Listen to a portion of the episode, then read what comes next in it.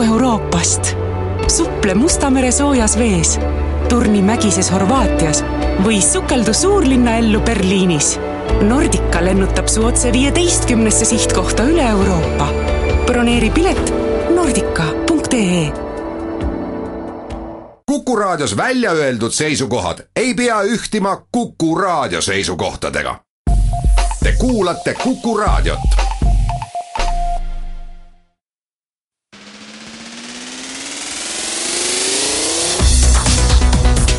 Muuli ja Samost. muuli ja Samost.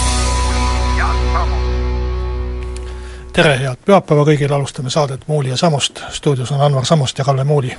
ja räägime tänases saates äh, Yana Toomi kohtumisest Süüria diktaatori Bashar al-Assadiga, äh, Eesti äh,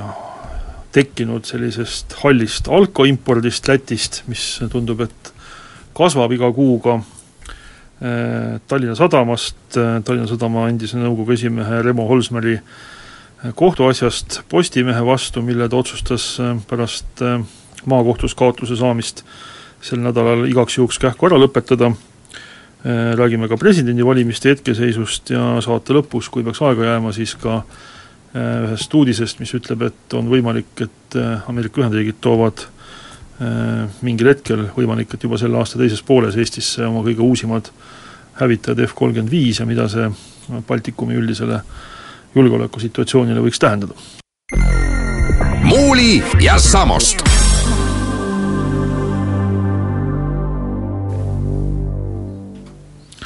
aga alustame siis äh, pisut välismaalt, et kui keegi siin võib-olla küsib, et miks me ei räägi Nitsas juhtunust või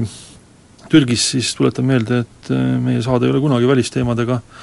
tegelenud, et jääme ikka Eesti asjade juurde ja ka Yana Toomist ja Süüriast räägime me seetõttu, et Yana Toom on Eestist väga suure häältearvuga valitud Euroopa Parlamendi saadik ja täieliku üllatusena selgus siis sel nädalal ühel hommikul, et Yana Toom on käinud eelmisel nädalavahetusel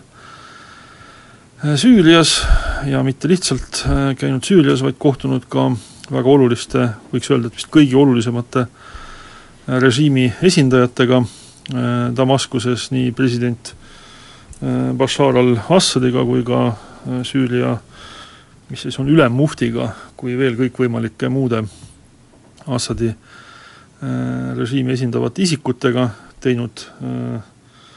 lasknud teha endast diktaatori kõrval äh, kauneid fotosid kuskil palee äh, marmoriga kaetud saalis ja, ja siis ähm, on ka need fotod äh, nii Süüria meedia kui sotsiaalmeedia kaudu jõudnud meieni ja miks ma fotodest räägin, siis ma arvan, et see on põhjendatud, kuna fotod ongi võib-olla selle visiidi üks kõige äh, selgemaid tulemusi, võib-olla natuke kaugemalt alustada, siis võiksime küsida küsimuse, et kas Yana Toom, kui ta näiteks noh, ma ei tea, üritaks kohtuda Briti peaministri Theresa Mayga, et kas Theresa May võtaks ta kas või kümneks minutiks jutule, et ma arvan, et ei, et ja mitte, et ma tahaksin kuidagi siin Yana Toomi halvustada, et ma arvan, et ükski tavaline Europarlamendi saadik ei pääse Briti peaministri jutule, sama võiks arvata, et äh, väga keeruline oleks äh, Yana Toomil saada jutule, noh ma ei tea, ka isegi mõne väiksema Euroopa või, või ähm, muu maailma riigi peaministri või presidendiga, nende inimeste aeg on tavaliselt väga äh, noh, kasutatud, väga, väga hõivatud ja Europarlamendi liikmeid on meil pealt kuuesaja ja reisivad nad palju ja kõigi nendega lihtsalt äh, riigi pealt kohtuda ei jõua, aga Süüria diktaator Assad on teistsuguses olukorras, kuna lääneriikide noh, rääkimata liidritest, aga lihtsalt esindajad, nagu üks Europarlamendi liige võiks olla või lausa kolm Europarlamendi liiget, ei käi tema juures, Assad on äh, isolatsioonis ja seda põhjusega, kuna tegemist on oma rahva vastu äh, sõda alustanud massimõrvariga. ja noh, on arusaadav, et äh, iga mis iganes Euroopa või muu lääneriigi poliitik, kes võtab vaevaks Süüria kutsel seda riiki külastama tulla ja on abiks selle riigi äh, sõnumite levitamisel, see saab nii kohtumise ülemmuftiga kui ka kindlasti pooleteise või kahetunnise kohtumise presidendi endaga. ja seejuures saab teha ka ühisfoto äh, massimõrvariga, mida siis pärast uhkusega oma Facebooki küljel jagada. jah, no ma ei usu nüüd, et massimõrvar sellest väga palju võitis, et et ega tal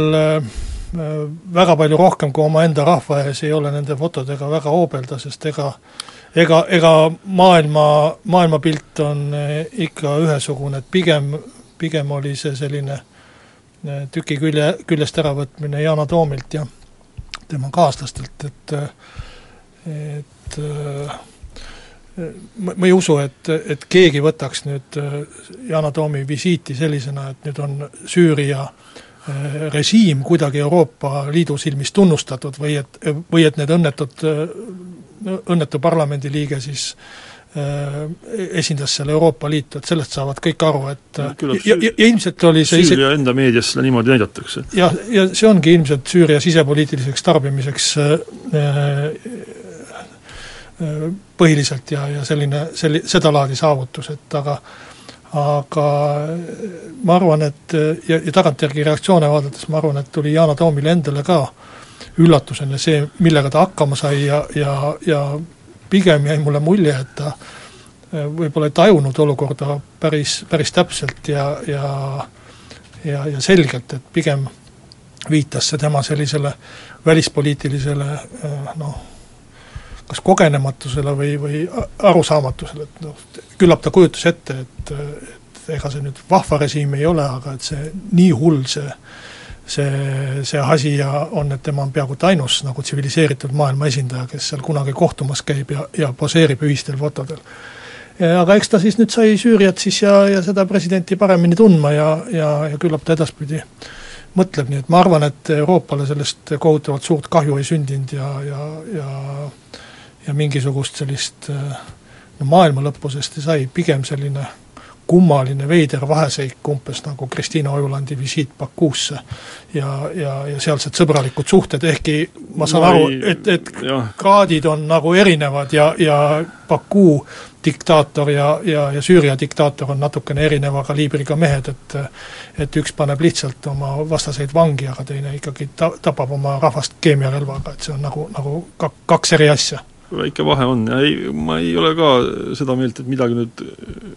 maailmapoliitikas väga muutunud oleks või et tegemist oleks üldse eh, midagi muutva sündmusega, aga kui nüüd fotodest edasi minna, siis need fotod töötavad kindlasti ka teistpidi. et eh, võib-olla meie kuulajate seas ei ole väga palju neid, kes iga õhtu vaataksid Vene televisiooni mõnelt riiklikult kanalilt uudiseid, noh ma ei tea, kas Vremjat või siis mõnda muud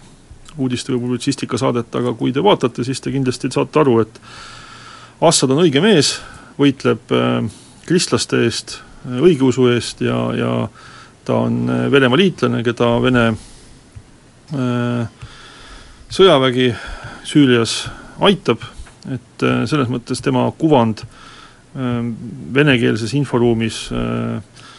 Kremli poolt kujundatud venekeelses inforuumis viibivate inimeste jaoks on hoopis teine, kui ta on näiteks, ma ei tea, soomlase või sakslase või eestlase jaoks ja selles mõttes need fotod kindlasti töötavad ka teistpidi, et nad ei ole äh, mitte ainult äh, Assadi režiimile äh, sisemaiseks kasutamiseks, äh, et näidata, et nende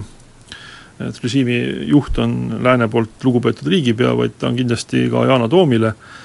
Ja ma ma arvan, et ka Venemaale selliseks äh, sobivaks äh, materjaliks, millega siis näidata, et Assad on tubli mees ja need, kes tema juures käivad, saavad selle äh, Äh,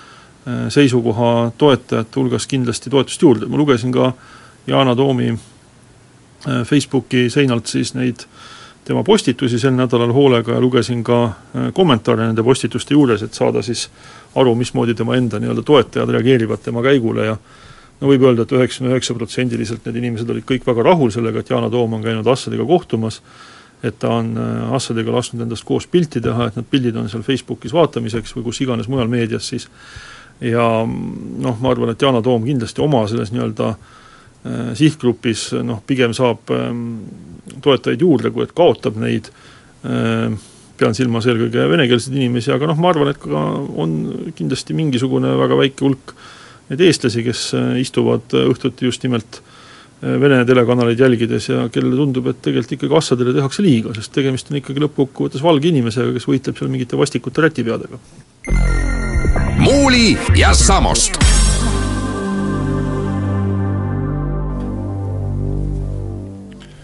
aga räägime nüüd taevast. Teab juba mitmendat korda alko- ja kütuseaktsiisist, lõppeval nädalal siis tegi äh, Eesti Alkoholitootjate Liit, äh, kelle ametlik nimetus on natukene pikem, seal on maaletoojad ka,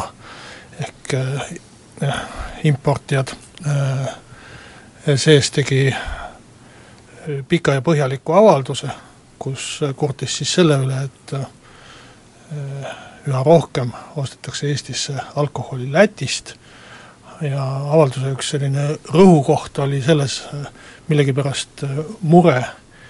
mitte oma äri pärast, vaid, vaid Eesti riigi pärast, oli öeldud, et Eesti riik kaotab siis käesoleval aastal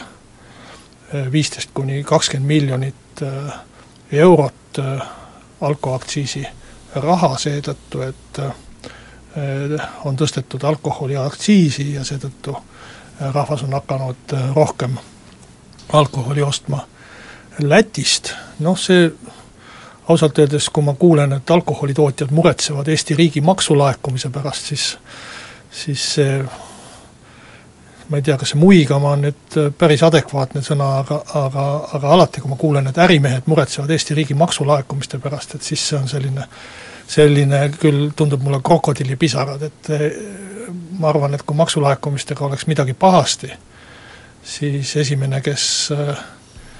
kes eh, ikkagi eetrisse peaks tulema, on Maksuamet ja, ja Rahandusministeerium, kes selle eest vastutavad ja, ja, ja muret tunnevad, aga aga praegu tundub vastupidi olevat, et Rahandusministeerium on hirmsasti rahul, rahandusministeeriumi äh, koduleheküljel ripuvad ka konkreetsed numbrid, palju on alkoholiga aktsiisi laekunud ja üldse makse esimesel poolaastal. Äh,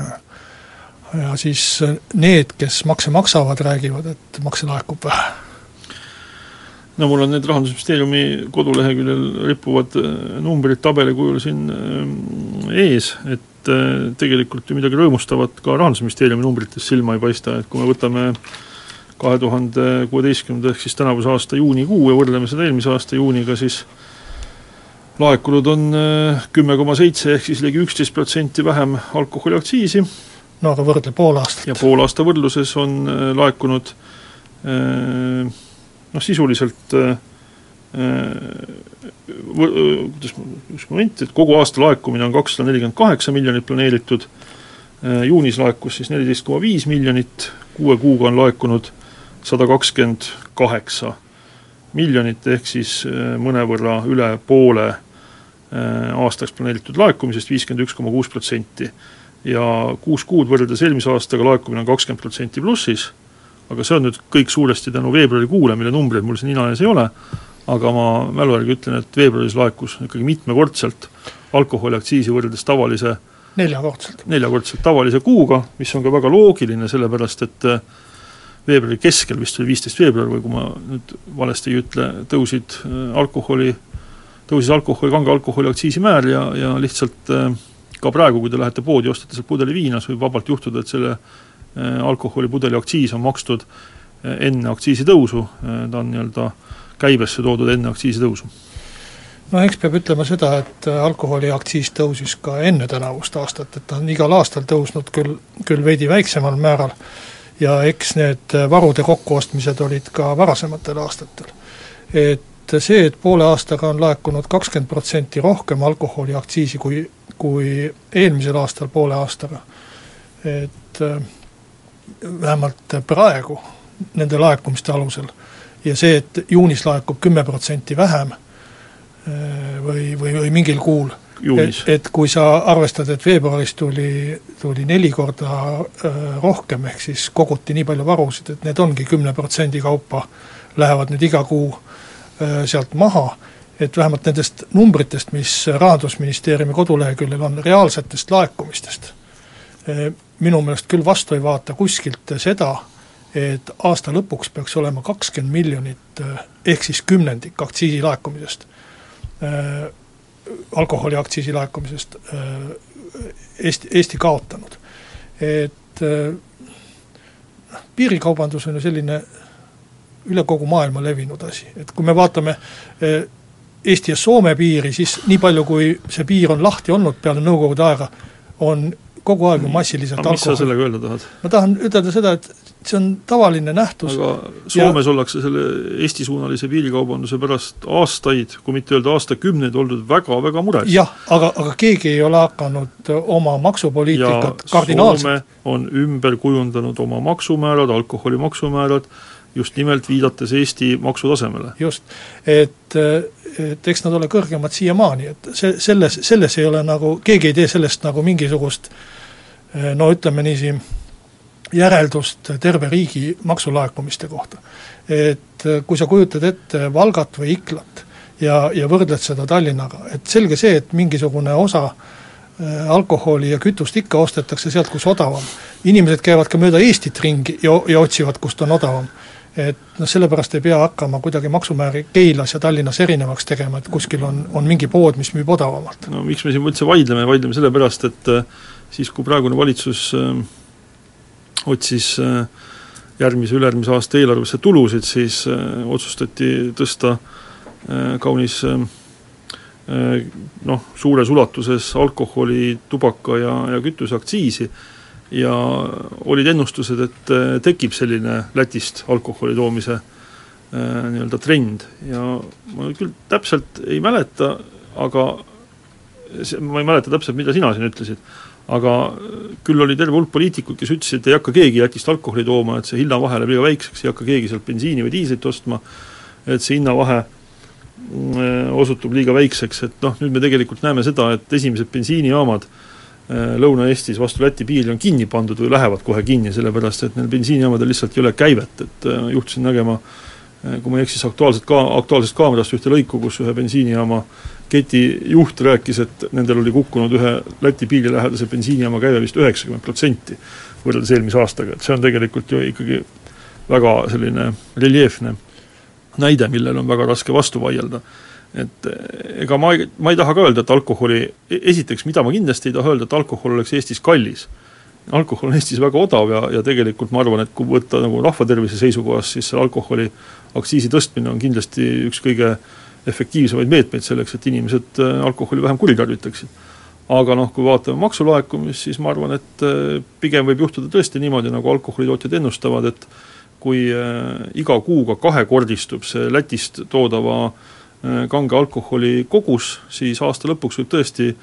alkoholiaktsiisi laekumises olla noh, silmatorkavalt suur puudujääk mis noh, mis nagu aktsiisi puhul on oluline võib-olla rõhutada, on see, et aktsiisist tekib seal vahe, hinnavahe, mis on alla kahe euro. Äh, et tegelikult äh, nendel piiriäärsetel poodidel on, on hind märksa, või hinnavahe märksa suurem Eesti, Eesti keskmisega ja see hinnavahe tuleb ilmselt ikkagi sellest, et müüakse väiksema kasumimarginaaliga või, või väiksema kuluga. et ka kauplus ise on efektiivsem. selle noh, ärilises mõttes efektiivsem. et et, et põhimõtteliselt kindlasti saaks äh, sedalaadi poode teha ka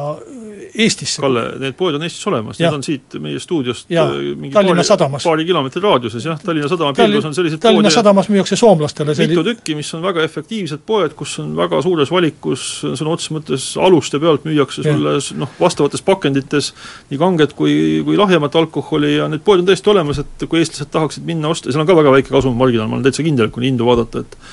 et äh, millegipärast seal ei ole masse tunglemas, äh, eestlaste masse, see on soomlaste massid, kes ostavad sõna otseses mõttes ikkagi nagu sadade pudelite kaupa alkoholi ja viivad seda Soome, aga eestlaste massid tunglevad hoopis kuskil seal Valkas ja, ja Iklas, eks et eh, no ma ei usu ka, et Tallinnast oleks nüüd mõtet hakata sõitma Valka ja Ikla, sellepärast et isegi kui see Postimees vist tegi sel nädalal vastava arvutuse, ma ei mäleta, mis need kogused olid, kakssada liitrit õlut, et ma ei tea, kui mina ostaksin kakssada liitrit õlut, mul kuluks ikkagi aastaid, enne kui ma sellega ühele poole saaksin ja võib-olla läheks enne halvaks, aga aga nemad said tulemuseks, et bensiinikulu sisse arvutatuna, et ikkagi nagu ütleme, päris äh, kenas äh, kasumis oleks no. oma ajakulu ka oma ajakulu ka muidugi jah, et aga, oleneb, kuidas keegi oma aega hindab, aga aga, aga, aga mis on nagu aga kui sa ei ela Tallinnas, et kui sa elad noh, ma ei tea, minu meelest Pärnus või, või, või Võrus, et noh, siis tegelikult noh, rääkimata Valgast, et siis nagu siis nagu vist on ikka noh, ütleme suhteliselt suur kiusatus minna ja osta oma saunaõlu kuskilt Läti poole pealt ära. mis nagu on ohtlik minu meelest, on, on see, kui sellest tekib illegaalne kaubandus et kui inimesed toovad enda tarbeks, siis äh, see on kõik väga väga tore ja inimene peabki otsima, kus on odavam ja ja, ja reguleerima nii-öelda kaubandust või, või, või hindu ka jalgadega. aga, aga mis on ohtlik, et kui, kui tekib illegaalne kaubandus, kui hakatakse sisse tooma kodu, koguseid, mis on seadusega keelatud ja kui hakatakse edasi müüma, mis on samuti seadusega keelatud, et sellele, sellele peab vastu astuma ja ma arvan, et sellele on päris keeruline vastu astuda, et me mäletame ju neid aegu, kui Vene-Eesti piiril seisid pikad järjekorrad Volkswagen Passateid, mis olid hästi suurte bensiinipaakidega ja kus toodi bensiini sisse ja müüdi seda edasi. ja, ja sellist piiriäärset kaubandust on, on, on enne ka olnud ja, ja päris ebaseaduslikku, et seda seda, seda peaks tõkestama, aga ma arvan, et see, et inimesed käivad kuskilt midagi odavamat ostmas, et see on väga normaalne ja väga väga arukas tegevus ja aga ma arvan ka seda, et et palju sa seda alkoholi nüüd iseenda jaoks ostad, et ma ei, ma ei kujuta ette, mitu pudelit viina sina, Anmar, aasta jooksul nüüd ära jood. Et ma ilmselt võin ma arv-, ma arvan, et me ei saaks kahe peale ühegagi hakkama, aga no võib-olla saaksime, aga, aga ma arvan, et jah, et mina ei hakka Lätti viinadele minema, aga noh, järgmine nädalavahetus mul on plaanis Lätti sõita, et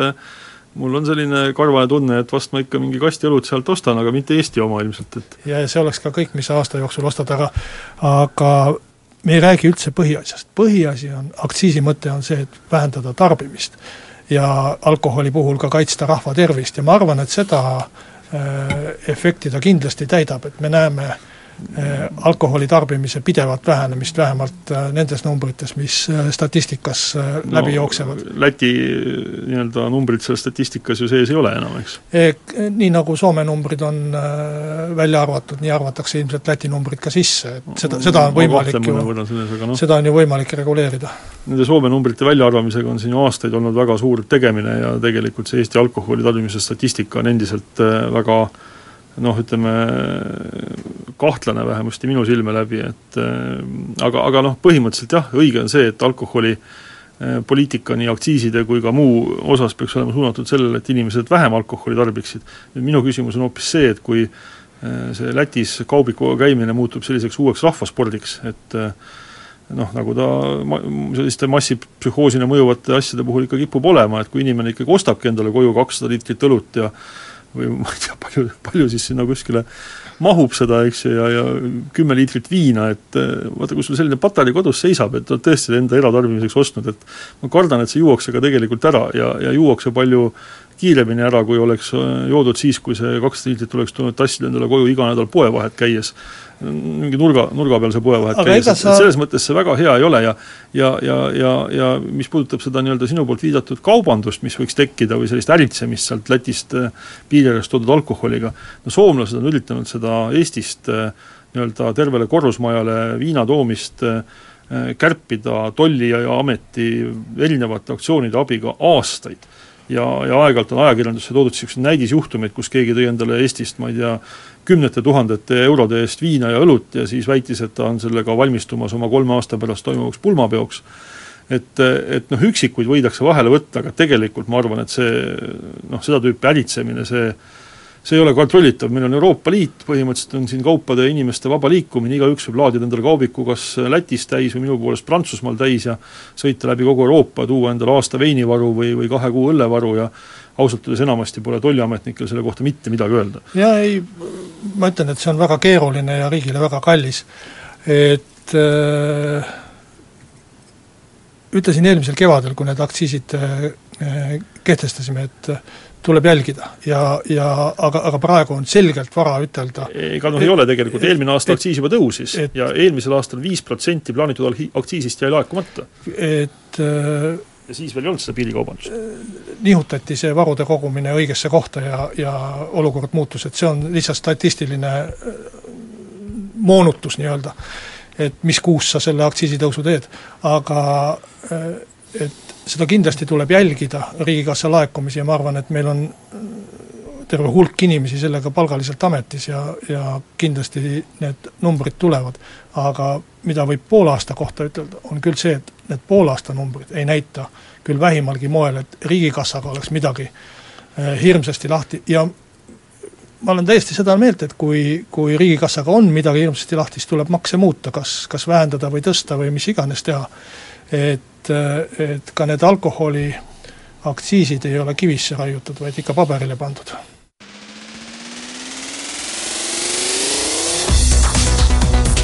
muuli ja Samost. muuli ja Samost.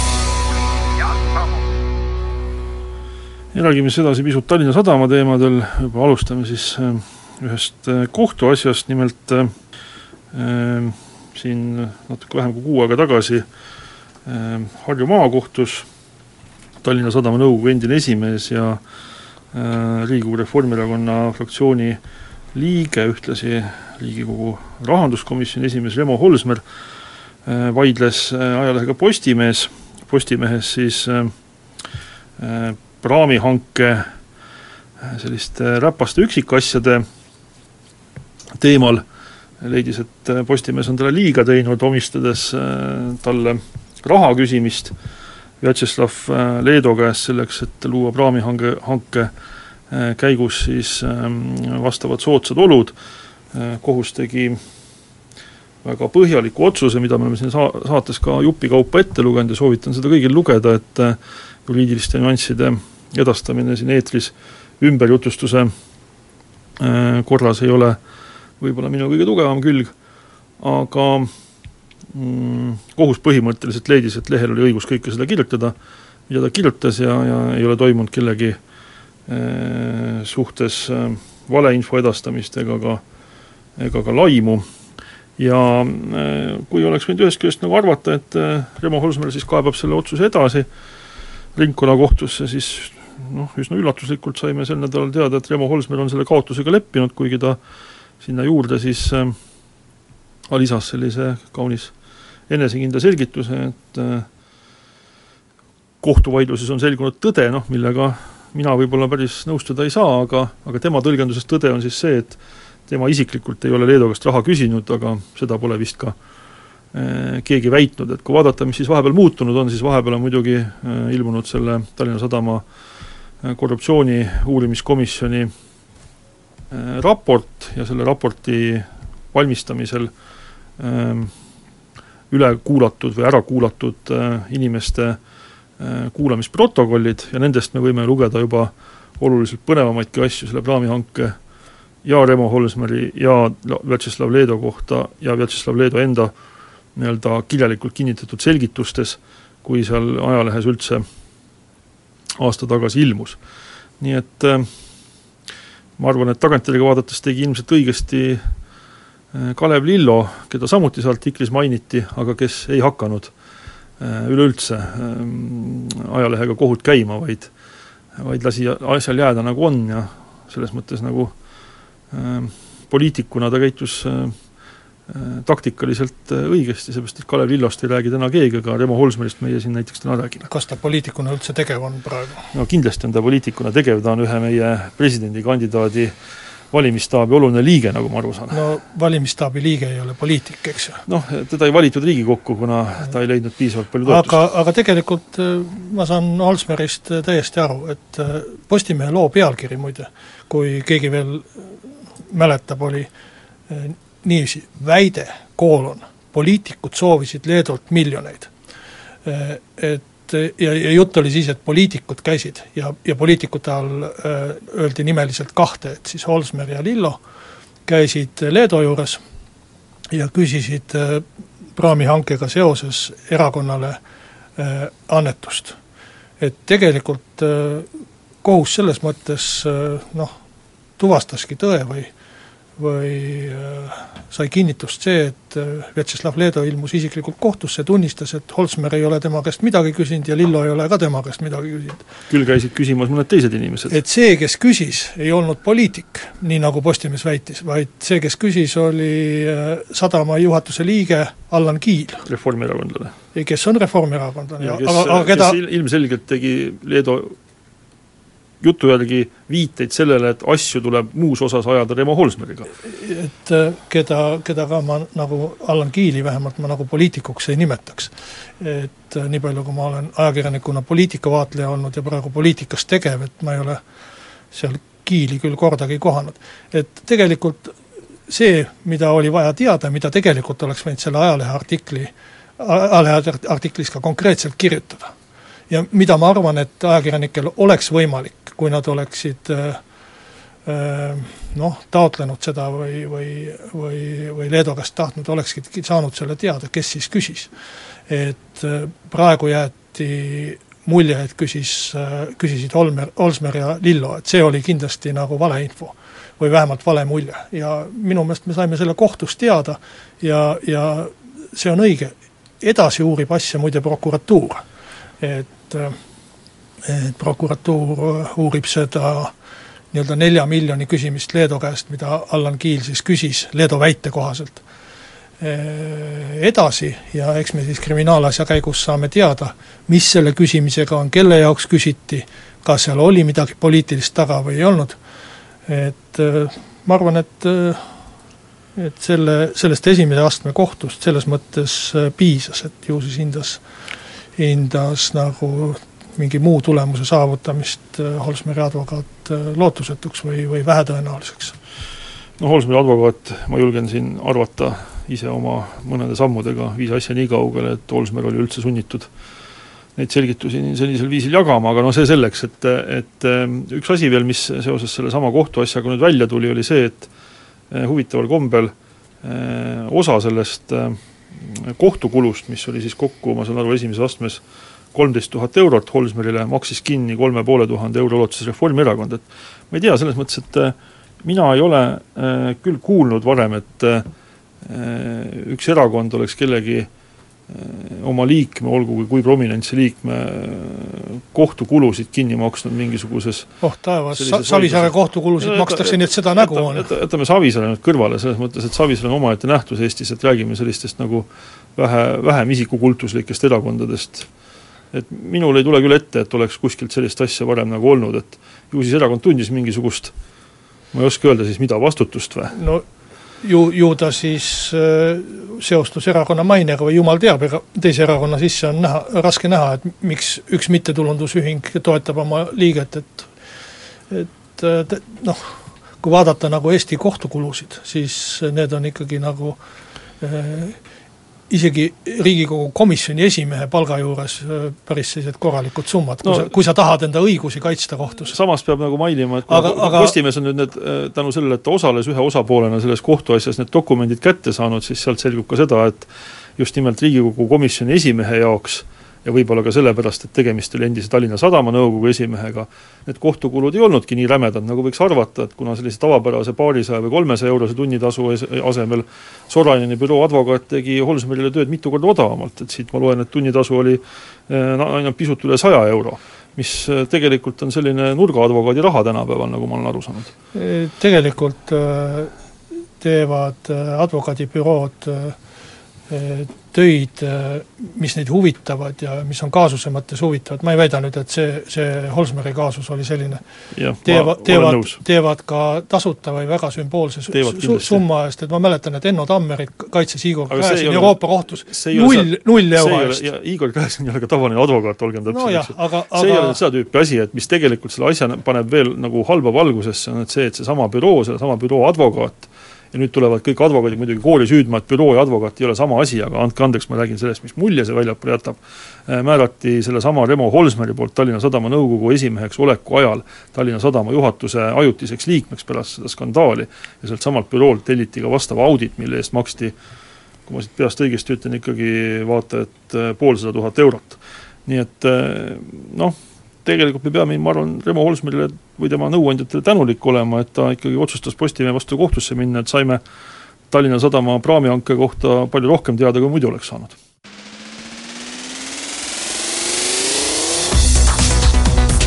muuli ja Samost. muuli ja Samost. ja et juba tavapärasel moel jätkame siis väikse vaatega äh, presidendivalimiste äh, hetkeseisule. Äh, noh, kust alustada, et Eesti Ekspress on sel nädalal avaldanud sellise ülevaate kõige levinumatest teooriatest, juttudest ja noh, võib-olla mitte päris vandenõuteooriatest, aga sellistest hüpoteesidest, mida erinevate variantide kokkupanekul siis äh, nähakse, millest ühe kõige keskse, ma, ma arvan, ma olen siin saates vist paar nädalat tagasi ka ära rääkinud, ma ei hakka seda üles kordama, et see näeb siis ette seda põhimõtteliselt, et Reformierakond tegelikult ei soovi ei Kaljuranna ega ega mm, Kallase saamist presidendiks, vaid teeb oma panuse hoopis sotsiaaldemokraat Eiki Nestorile, kes siis valitakse ära sellise paanika õhkkonnas pärast seda, kui valimised on tulnud valimiskogust Riigikokku tagasi, aga, aga kui nüüd Eiki Nestoriga jätkata, siis Eiki Nestor tõesti jätab siin viimasel nädalal, ta on ka olnud vist üks enim intervjueeritumaid kandidaate, jätab ka sellise mulje tegelikult, et, et ta nagu ise usub sellesse teooriasse väga selgelt, et äh, võib-olla ma olen rikutud ta on ja... küll väitnud päris sõnaselgelt, et mingit kokkulepet ei ole. kokkulepet ei saagi olla, selles mõttes, et, et sellistes asjades ei saa olla kokkulepet, et selles mõttes mul on äh, mulle teeb nalja ka see väide, et äh, koalitsiooni läbirääkimiste käigus lepiti presidendikandidaat koalitsiooni poolt kokku, aga see selleks, et kokkulepet muidugi ei ole, küll aga võib olla inimestel erinevaid pakkumisi ja, ja noh, kuidas siis öelda, arutelusid teemal, et kui tekib olukord X, et kas siis läheb käiku pigem variant A või variant B. et sellelt lähtuvalt mulle tundub, et Eiki Nestor on siis teinud enda jaoks järelduse, et tema šansid ikkagi vaatamata äh, üsna madalale avalikule toetusele presidendi ametis lõpetada on päris head. noh, ma selle järeldusega olen täitsa nõus, et kui kui erakondade, teiste erakondade, suuremate erakondade eh, kandidaadid kukuvad, et keegi peab presidendiks saama. ja tõesti, ütleme siis nagu teisest ringist või kolmandast ringist on Eiki Nestori šansid päris head. Et aga, aga kõigepealt tuleb sinna teise või kolmanda ringini eh, jõuda, kui nüüd rääkida mingisugusest vandenõuteooriast, et Reformierakond tahab teha nii, et oma, oma sisetülide lahendamiseks nii, et kumbki tema väga headest või väga populaarsetest kandidaatidest ei saaks presidendiks, aga saaks hoopis Eiki Nestor, siis peaks küsima, et kes see Reformierakond siis on. Kallasel on oma toetajad ja, ja Marina Kaljurannal on oma toetajad ja ja, ja, ja kuskil on veel mingisugune Reformierakond, kes ei ole ei Kallase toetaja ega Kaljuranna toetaja, siis järelikult selle vandenõu teo-, teooria järgi. selle teooria järgi on siis niimoodi, et Kaljuranna toetajate nii-öelda oluline osa on äh, isikud, kes tegelikult Kaljuranda ei toeta. aga noh, ma, ma ei tea, me lähme siin nagu liiale sellega, selles mõttes, et mina tõesti Reformierakonna siseelu nii hästi ei tunne, et võiksin siin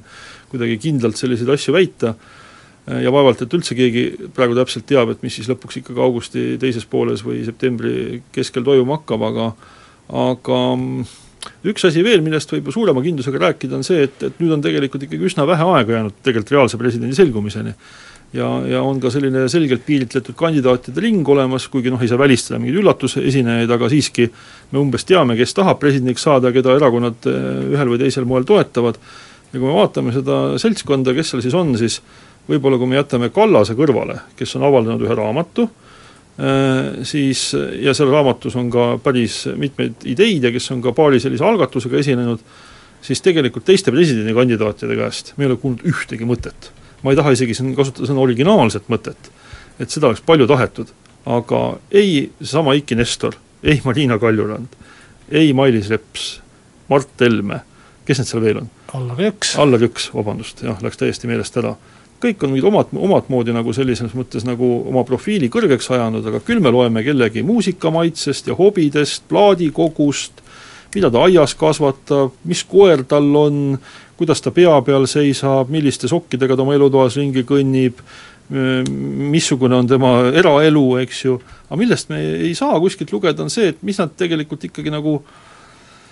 kas neil on midagi välja pakkuda nagu Eestile nagu, see on, kõlab väga suurelt, aga tegelikult see ongi suur amet nagu selles mõttes, et ega presidendil peale ideed ei olegi mingeid väga mingeid instrumente, nagu siin juba tüütuseni on korratud. aga, aga ideid nagu ma kuskil väga ei näe, et ja kui keegi nüüd tuleb mulle, ütleb, et oot-oot-oot, praegu on ikka liiga vara veel, et need ideed esitatakse alles no ma ei tea, millal neid siis esitatakse, et kas need esitatakse siis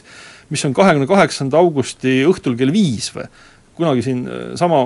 küsimus esitati ju Indrek Tarandile korduvalt, kui ta kandideeris Toomas Hendrik Ilvese vastu, et kas tal on ka mingisugune plaan või mingisugune programmilised seisukohad ja siis äh, Tarand vastas sellele kogu aeg, et vara veel, et küll ta tuleb oma ideedega, lõpuks läks ja pani mingisuguse A4 paberilehe knopkaga kuskile seina peale, mis oli naeruväärselt jama täis, eks ju. et eh, noh, see ei ole tõsiseltvõetav ja me ei räägi siin praegu Indrek Tarandist, me räägime ikkagi tegelikult suurte erakondade tõsiseltvõetavatest presidendikandidaatidest, et et seesama Allar Jõks, et noh, mis tema ideed on siis Eesti elu suhtes nagu, et mis ta nagu tahab saada, et kas tal on mingeid originaalseid mõtteid ka ikka või no.? või Eiki Nestor või Marina Kaljurand, Marina Kaljurand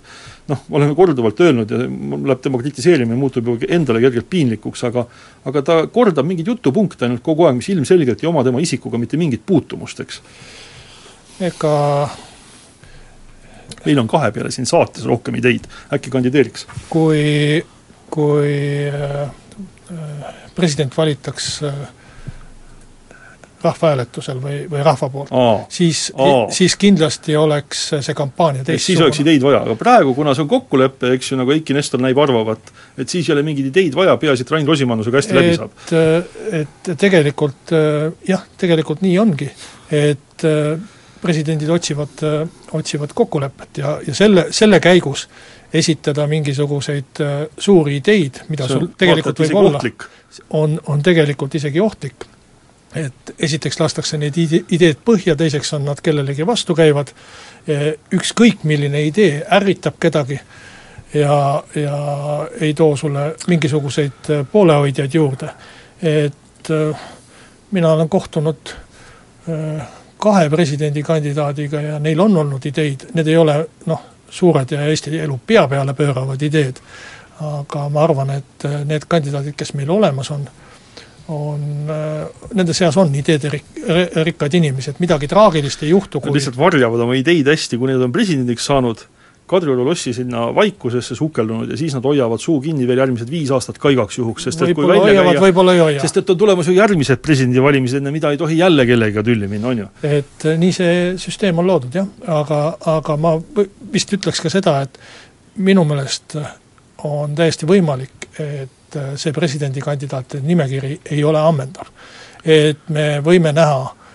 umbes ühte või kahte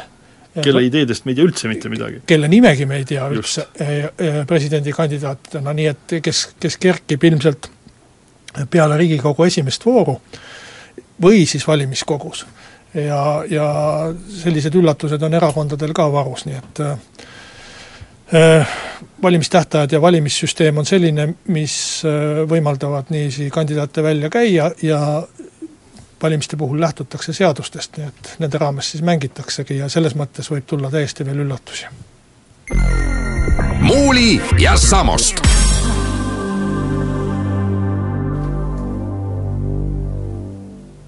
ja viimaks mõtlesime, et räägime kaks sõna ka veel ühest selle nädala uudisest Äh, nimelt äh, Ameerika Ühendriikide kõige uuemast ja moodsamast mitmeotstarbelisest sõjalennukist F kolmkümmend viis, mille kohta siis äh, USA kongressi relvajõudude komitees üks selle projekti eest vastutav kindral ütles, et aasta teises pooles on need lennukid selles staadiumis, et nad on kasutatavad oma eesmärgipäraseks tegevuseks ja näiteks võiks mõned need lennukid või nendest lennukitest koosneva üksuse paigutada Baltimaadesse, et äh, siin on muidugi mitu sellist tingimuslikku eeldust, et äh, ega me ei tea, kas need lennukid seal ka aasta teises pooles või üldse kunagi satuvad, aga ühest küljest veelgi ulmelisemad lennukid F kakskümmend kaks Raptor on siin juba korra või paar korda käinud ja teiseks, ega kui Ameerika Ühendriigid on tõesti sellise hiiglasliku summa raha selle lennuki arendusse investeerinud, siis üks väheseid kohti maailmas, kus neist lennukitest mingisugust reaalset sõjalist kasu võiks olla, ongi tegelikult Läänemere piirkond, kuna siin on tegemist Venemaa poolt loodud sellise väidetavalt vägagi efektiivse õhukaitsekupliga, millest äh, tavaliste vahenditega on raske läbi tungida, juhul kui peaks mingisugune vastav olukord tekkima, aga see F kolmkümmend viis Vene radari õhukaitsesüsteemidele väidetavalt on tõesti nähtamatu või noh, peaaegu nähtamatu, ja sellisena ta muudaks seda jõudude tasakaalu siin pikaks ajaks ja väga otsustaval viisil, et juba üksi see jutt, et nad võidakse siia tuua, ma arvan, et see on päris tõsine heidutus ja noh, selles, selles mõttes teenib nagu äh, rahu meie, meie ümbruses. noh, kas nüüd mõni lennuk äh, jõudude tasakaalu just nimelt, mõne lennukiga seda ilmselt muudetaksegi. et, et mõni, mõni üksik lennuk jõudude tasakaalu muudab, aga kindlasti ta muudaks äh, Baltimaad äh, noh, mingis mõttes väga, väga tähtsaks või selliseks tulipunktiks, et otse Venemaa piiri äärde paigutada oma kõige moodsamad relvad aga ometi selle F kolmekümne viiega ei minna siis Talibaniga sõdima, kus sellest ei ole mingit kasu. nojah, et eks neid võib hoida ka, hoid-, hoida ka ütleme siis äh, mitte, mitte sellises äh, otseses konfliktipiirkonnas, vaid, vaid vaid natuke eemal ja, ja eriti kui, kui samal ajal nagu räägitakse, et Venemaaga püütakse ikkagi NATO liinis mingisuguseid no, otsest, suhteid arendada. otsest konflikti meil ju õnneks ei ole, aga et, selle konflikti ärahoidmiseks ma arvan, et et, et eks, eks see oleks väga väga jõuline ja selline demonstratiivne äh, samm, aga kui ma vaatan nagu NATO tegutsemist, praegu ei käi jutt ju NATO-st, vaid USA-st, eks ju. et seal on väike, väike vahe sees mm. -hmm. et äh, kui vaadata NATO tegutsemist, siis äh, seda teed on mindud, et üsna jõuliselt paigutatakse oma relvi ja väeüksusi ka, ka Venemaa piiri äärde. no et vääralt muljet ei jäänud, siis ma ütleks ikkagi, et tegelikult on reaktsiooniga, tegemist reaktsiooniga sellele, mida Venemaa on alustanud oma vägede ja nendesamade raketikomplekside ja muude paigutamisest äh, just nimelt siia äh, Läänemere piirkonda, aga sellega ma arvan, et hea uudisega me täna ka lõpetame ja äh, Kalle Muuli ja Anvar Samost on taas Kuku raadio otse-eetris täpselt nädala pärast.